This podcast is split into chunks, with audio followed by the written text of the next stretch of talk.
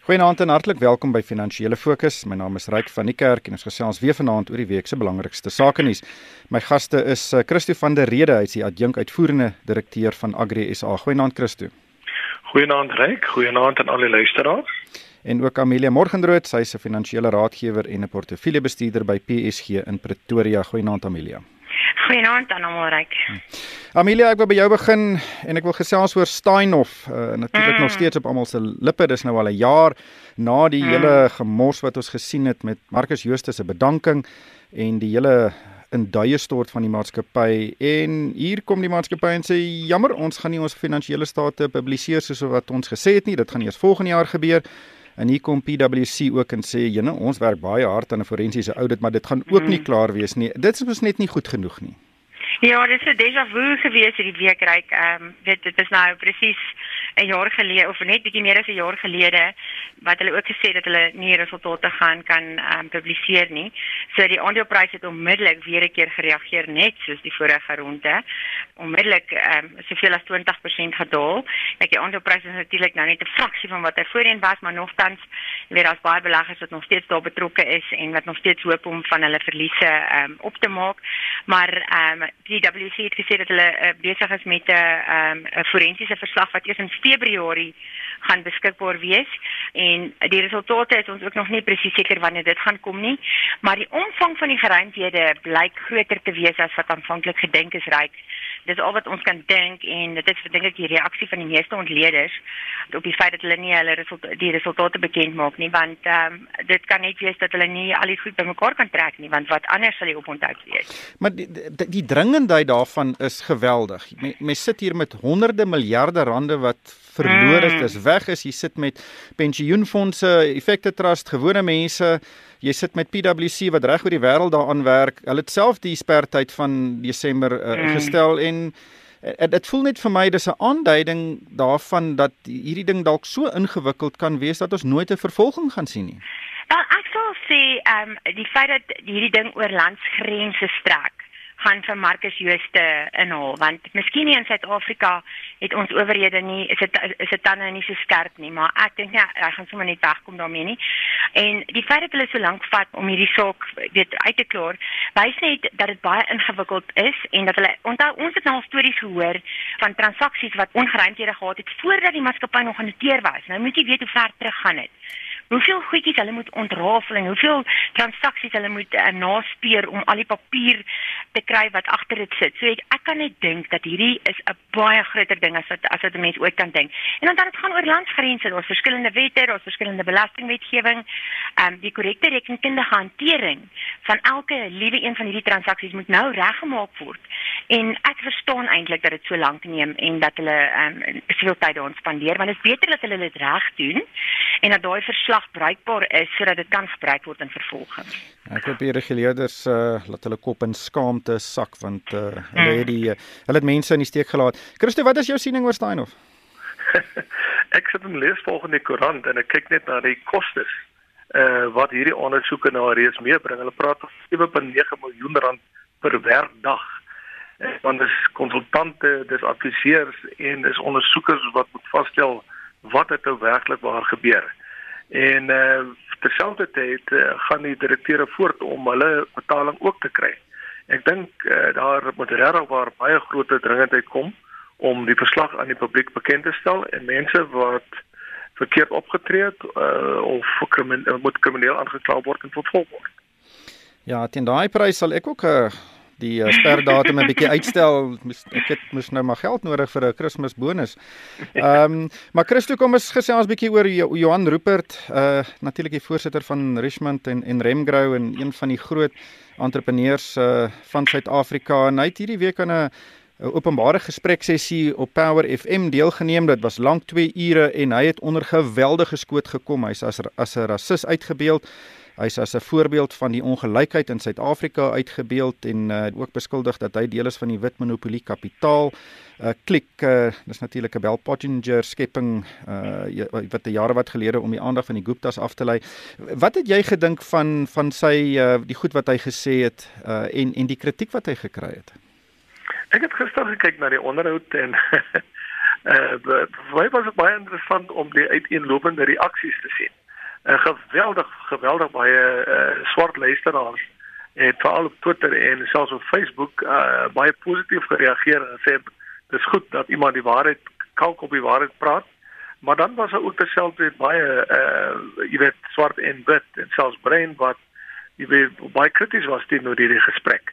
Uh gegee die konteks dink ek uh, is dit nodig dat ons uh jy weet mekaar kalk op die waarheid vertel. Ons moet minder polities korrek in hierdie land wees, maar ons moet altyd seker wees van ons feite. En ek dink uh jy weet dit dit kan problematies raak as 'n uh, stelling gemaak word en dit word half opgeneem as 'n veralgemening en dit skep dan natuurlik hierdie tipe van uh, positiewe reaksies of negatiewe reaksies. Ehm uh, maar ek dink uh, hy het goed oorgekom by sekere tye, maar andersins, jy weet, uh, dink ek kon hy baie beter gedoen het. Uh, want dit is belangrik ons praat hier met 'n uh, 'n uh, diverse groep en dit wat mense sê moet altyd mense laat dink en mense uh saambind om na 'n uh, beter posisie te streef. Ja. Ons kan nie 'n situasie skep waar mense, jy weet, vasval in beledigings nie en beledigingsrondslinge nie. Dit gaan ons nie voort. Ja, kyk Amelia, uh, uh Johan Rupert is 'n uitstekende sakeman, maar hy's nie heeltemal bekend vir sy karisma nie. Hy sê wat mm. hy dink. Ehm um, en en die die breë onderwerpe wat hy aangevat het uh en kritiek teenoor uitgespreek het uh, is realiteite in Suid-Afrika mm -hmm. onderwys um, en weet dit is wat Christo nou sê dis reg ons het hierdie tipe mense nodig om om op te staan um, en ek dink baie van die goed wat hy gesê het is uh, kan in verskillende wyse geïnterpreteer word mm. um, en ons het meer mense nodig soos hy om op te staan en ek dink die kritiek wat hy gekry het kan dalk ander mense afskrik Um ek dink hy hy is so 'n invloedryke man en wanneer hy praat sit almal regop. So dis skielik dat iemand soos hy baie keer kolk op die waarheid praat en uh, nie alles probeer te smeer en mooi broodjies bak nie. Maar ek dink ook ehm um, jy weet ek kan ehm um, ek kan ook kritiek lewer teenoor uh, Remgrau en teenoor hom. Hy is miskien ehm um, 'n goeie sakeman, maar ook nie maak ook maar foute. As jy gaan kyk na Remgrau se prestasie en wat daar gebeur het en dat hulle ook agter die hele transaksie gesit het met Medikliniek um, in die buiteland wat nou glad nie so wonderlik voor nie en 'n baie groot effek gehad het op die aandeleprys van Remgrau om maar een van die een van die uh, mislukkings te noem. Maar um, mense ook in ag neem hy was ook deel daarvan. So ehm um, mense kan nie sê dat hy net wonderlik is en net goed is nie. So uh, hy maak ook foute en hy's ook maar net dink ek 'n gewone mens en 'n gewone sakeman. Ehm um, en dit is ook baie keer lekker om bietjie die aandag weg te lei van jou eie mislukkings af. Ja, nee, almal maak foute. Ehm um, mm -hmm. en uh en ek is seker uh sy foute is baie duurder as die foute wat wat ek en jy maak. Maar Christo, kom ons gesels 'n bietjie oor landbou. Uh, ons het nou gesien Suid-Afrika is uit die resessie uit. Ons het ontsnap daarvan en landbou was een van die groot positiewe bydraers. Uh wat is die situasie tans en en wat dink jy van die vooruitsigte van van landbou uh weet volgende jaar? Uh die die situasie in 'n paar provinsies lyk maar uiters droewig.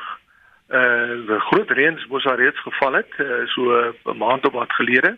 Dit het nog nie gekom nie. Ons is nou juist besig met 'n baie groot droogte opname om presies uit te vind hoe lyk dit in die verskillende provinsies.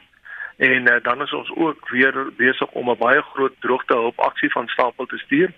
En ons is besig om al die provinsies te mobiliseer om seker te maak ons kry dan hulp met die boere uit. Maar uh, ons moet onthou dat van hierdie boere is nou al vir 'n paar jaar in 'n uiters benadeelde posisie. Uh, ek voorsien uh, probleme volgende jaar as die reën sien nou betyds gaan kom nie. Op die oog af lyk dit asof daar reën op pad is, maar uh, ons moet maar net op en bid uh, en daarmee saam, jy weet, uh, is die boere maar onder geweldige druk oor hierdie onsekerheid rondom grondhervorming. Hulle sit ook met ander druk oor goed wat gestort word in Suid-Afrika, pryskommelings en en en uh joh om 'n boer te wees is is 'n verskriklike verskriklike moeilike jy weet uh, beroep en ons moet ons boere bystand teen alle koste. Ja. Christo, kom ons gesels oor uh die grondhervorming. Ons het nou gesien dat, dat die grondwet gaan nou verander. Die parlement het dit uh, die voorstelle aanvaar. Dink jy nie maar kom verander nou met die grondwet. Laat ons net die duidelike reëls kry oor hoe dit gaan gebeur. Dit sal die hele onsekerheid wat ons tans het dan net baie verminder. Ek dink dit is baie, baie belangrik daar moet baie groter sekerheid kom. Ons wil presies weet wat gaan nou in die grondwet uiteindelik staan. En of die ANC by sy beloftes hou dat hulle nie produktiewe grond en uh gaan oneien nie sonder vergoeding nie en en maar uh, wat nou moet gebeur is daar's bepaalde prosesse, wetlike prosedures wat gevolg moet word. En dit lyk asof die ANC en EFF weer van hierdie goed net wil stoomrol sonder om die prosedures in ag te neem. En ons hou dit baie fyn dop want ons kan nie situasie toelaat laat hier prosesse uh, jy weet van stapel gestuur word wat onprosedureel is nie. Ja. Amelia, maar ek dink die persepsie nog steeds is grondonteiening sonder vergoeding is gelyk aan ons gaan die plase vat. Wat is jou siening hieroor? Kyk, ek het baie gemengde gevoelens aan um, Ryk. As ek nou, jy weet toe dit die eerste keer bekend geword het, het Cyril Ramaphosa gesê dit gaan nou gebeur het ek baie die internasionale ehm um, kommentators dopgehou. Ek het weet op Bloomberg, op Bloomberg televisie en op CNBC oralste het hulle onderhoude met internasionale analiste gehad. En wat vir my verstommend was en wat heeltemal my kop ook so 'n bietjie gedraai het, was die oorweldigende positiewe reaksie van hierdie ouens af daar die IMF e gekom, hulle het hulle stempel van verkering op dit gesit. Die Wêreldbank het hulle stempel van verkering gesit op um, op hierdie onteiening sonder vergoeding, solank dit in 'n geordende uh, manier plaasvind. En ek het gesien hoe hierdie al hierdie internasionale kommentators eintlik positief daaroor voel en dat hulle dink dit is die regte ding om te doen. En dit het my baie keer baie laat dink en laat besef dat sou dit gebeur en dit vind op 'n relatiewe geordende basis plaas, gaan dit nie eens 'n rimpeling maak op enige front nie. Persoonlik dink ek dit gaan geen effek hê op die markte hê nie want internasionaal word dit aanvaar dat dit is wat moet gebeur en dit is hoe dit moet wees en dit is wat gaan gebeur. So solank daar nie chaos is nie en solank daar nie moord en doodslag is nie en alles kan op 'n rustige manier plaasvind, dink ek nie dit gaan enige effek hê op enigiets nie. Ja, ek dink ook dit is ook 'n bietjie alarmisties en sekere partye uh, gebruik dit vir politieke gewin. Maar Christo kos gesels oor Eskom. Ek dink dit is die enkele grootste risiko vir Suid-Afrika, groter as enige ander strukturele probleem wat ons het, insluitende grondhervorming. Ehm um, maar Christo, ons het nou gesien ons is in beerdkrag. Uh, Daar's groot proble probleme by Eskom en Gordon sê ons moet 'n uh, eh, bietjie beter doen, maar die die skade wat aan ons ekonomie kan aanrig, kan uh, die die positiewe vertoning wat ons nou in die derde kwartaal gesien het basies uitwis. Ons sien reeds in die Weskaap uh, boere wat besig is om te oes en baie van daai vrugte moet gestoor word. En uh, ons kry nou boodskappe van boere wat sê maar uh, die hele produksie kom tot 'n stilstand as gevolg van beerkrag. Uh, besproeiingsareas sit met groot uitdagings en groot kopseere uh, van ons slagpale en ook uh, jy weet die uh, waar honderde en sovoorts geproduseer word, hulle het baie baie groot probleme. En uh, ek weet nie hoe ons hierdie probleem gaan oplos nie. Uh, ek sien Pravin Gordhan het nou die sweep ingelê en uh, sy sien 'n personeel versoek om dwars deur die vakansie te werk. Ek hoop en bid net, jy weet ons kan die skade wat hierdie beerkrag veroorsaak minimaliseer. Amelia Ek dink hierdie die omvang van hierdie probleem is baie groter as wat ons almal dink. Hmm. Ehm um, ek praat met baie mense in die industrie en wat baie nou aan aan hierdie goed beweeg. Dit dit dit, dit lyk nie vir my nog goeie nuus nie, right? Waarop ek um, my webwerf is dat is mense se vermoë om innoverend te wees, mense se vermoë om om 'n probleem te kom. Um, ek hoop dat die batterye om sonkrag mee te stoor baie gouer verbeter word en dat tegnologie beter raak want soos dinge nou lyk en soos wat sake nou staan, dink ek jy weet eh, van hier af vorentoe gaan ons nog meer probleme hê. En as jy van hierdie van hierdie verslae en hierdie syfers gaan lees dat ons selfs nou minder krag gebruik as in 2008 met die vorige ronde beerdkrag, dan skrik 'n mens en jy besef dat uh, infrastruktuur is iets wat baie moeilik is om op die been te bring en dan moet jy dit onderhou. As jy dit nie onderhou nie, het jy moeilikheid en jy jy gaan ongelukkig nie sommer net dit oornag regstel nie. Ehm um, en as jy nie die vermoë het nie, nie die regte personeel nie en jy het nie die die besigheid reg bestuur nie, dan gaan jy dit sommer net so maklik regmaak nie. So ja. wat hartseer is is dat 'n mens geld moet spandeer op op op op iets wat jy dit beter kon aanwend in die ekonomie. Ek selfs in my kantoor moet ek 'n klomp geld nou spandeer om 'n kragopwekker te koop. Ek dink ook die die situasie, die finansiële situasie van Eskom is dalk erger as sy bedryfssituasie van waar hy nou met beerkrag instel want die maatskappy is vir in rekenkundige terme bankrot. Hy kan nie sy skuld betaal nie. Hy kan die bedryfssituasie is net so erg.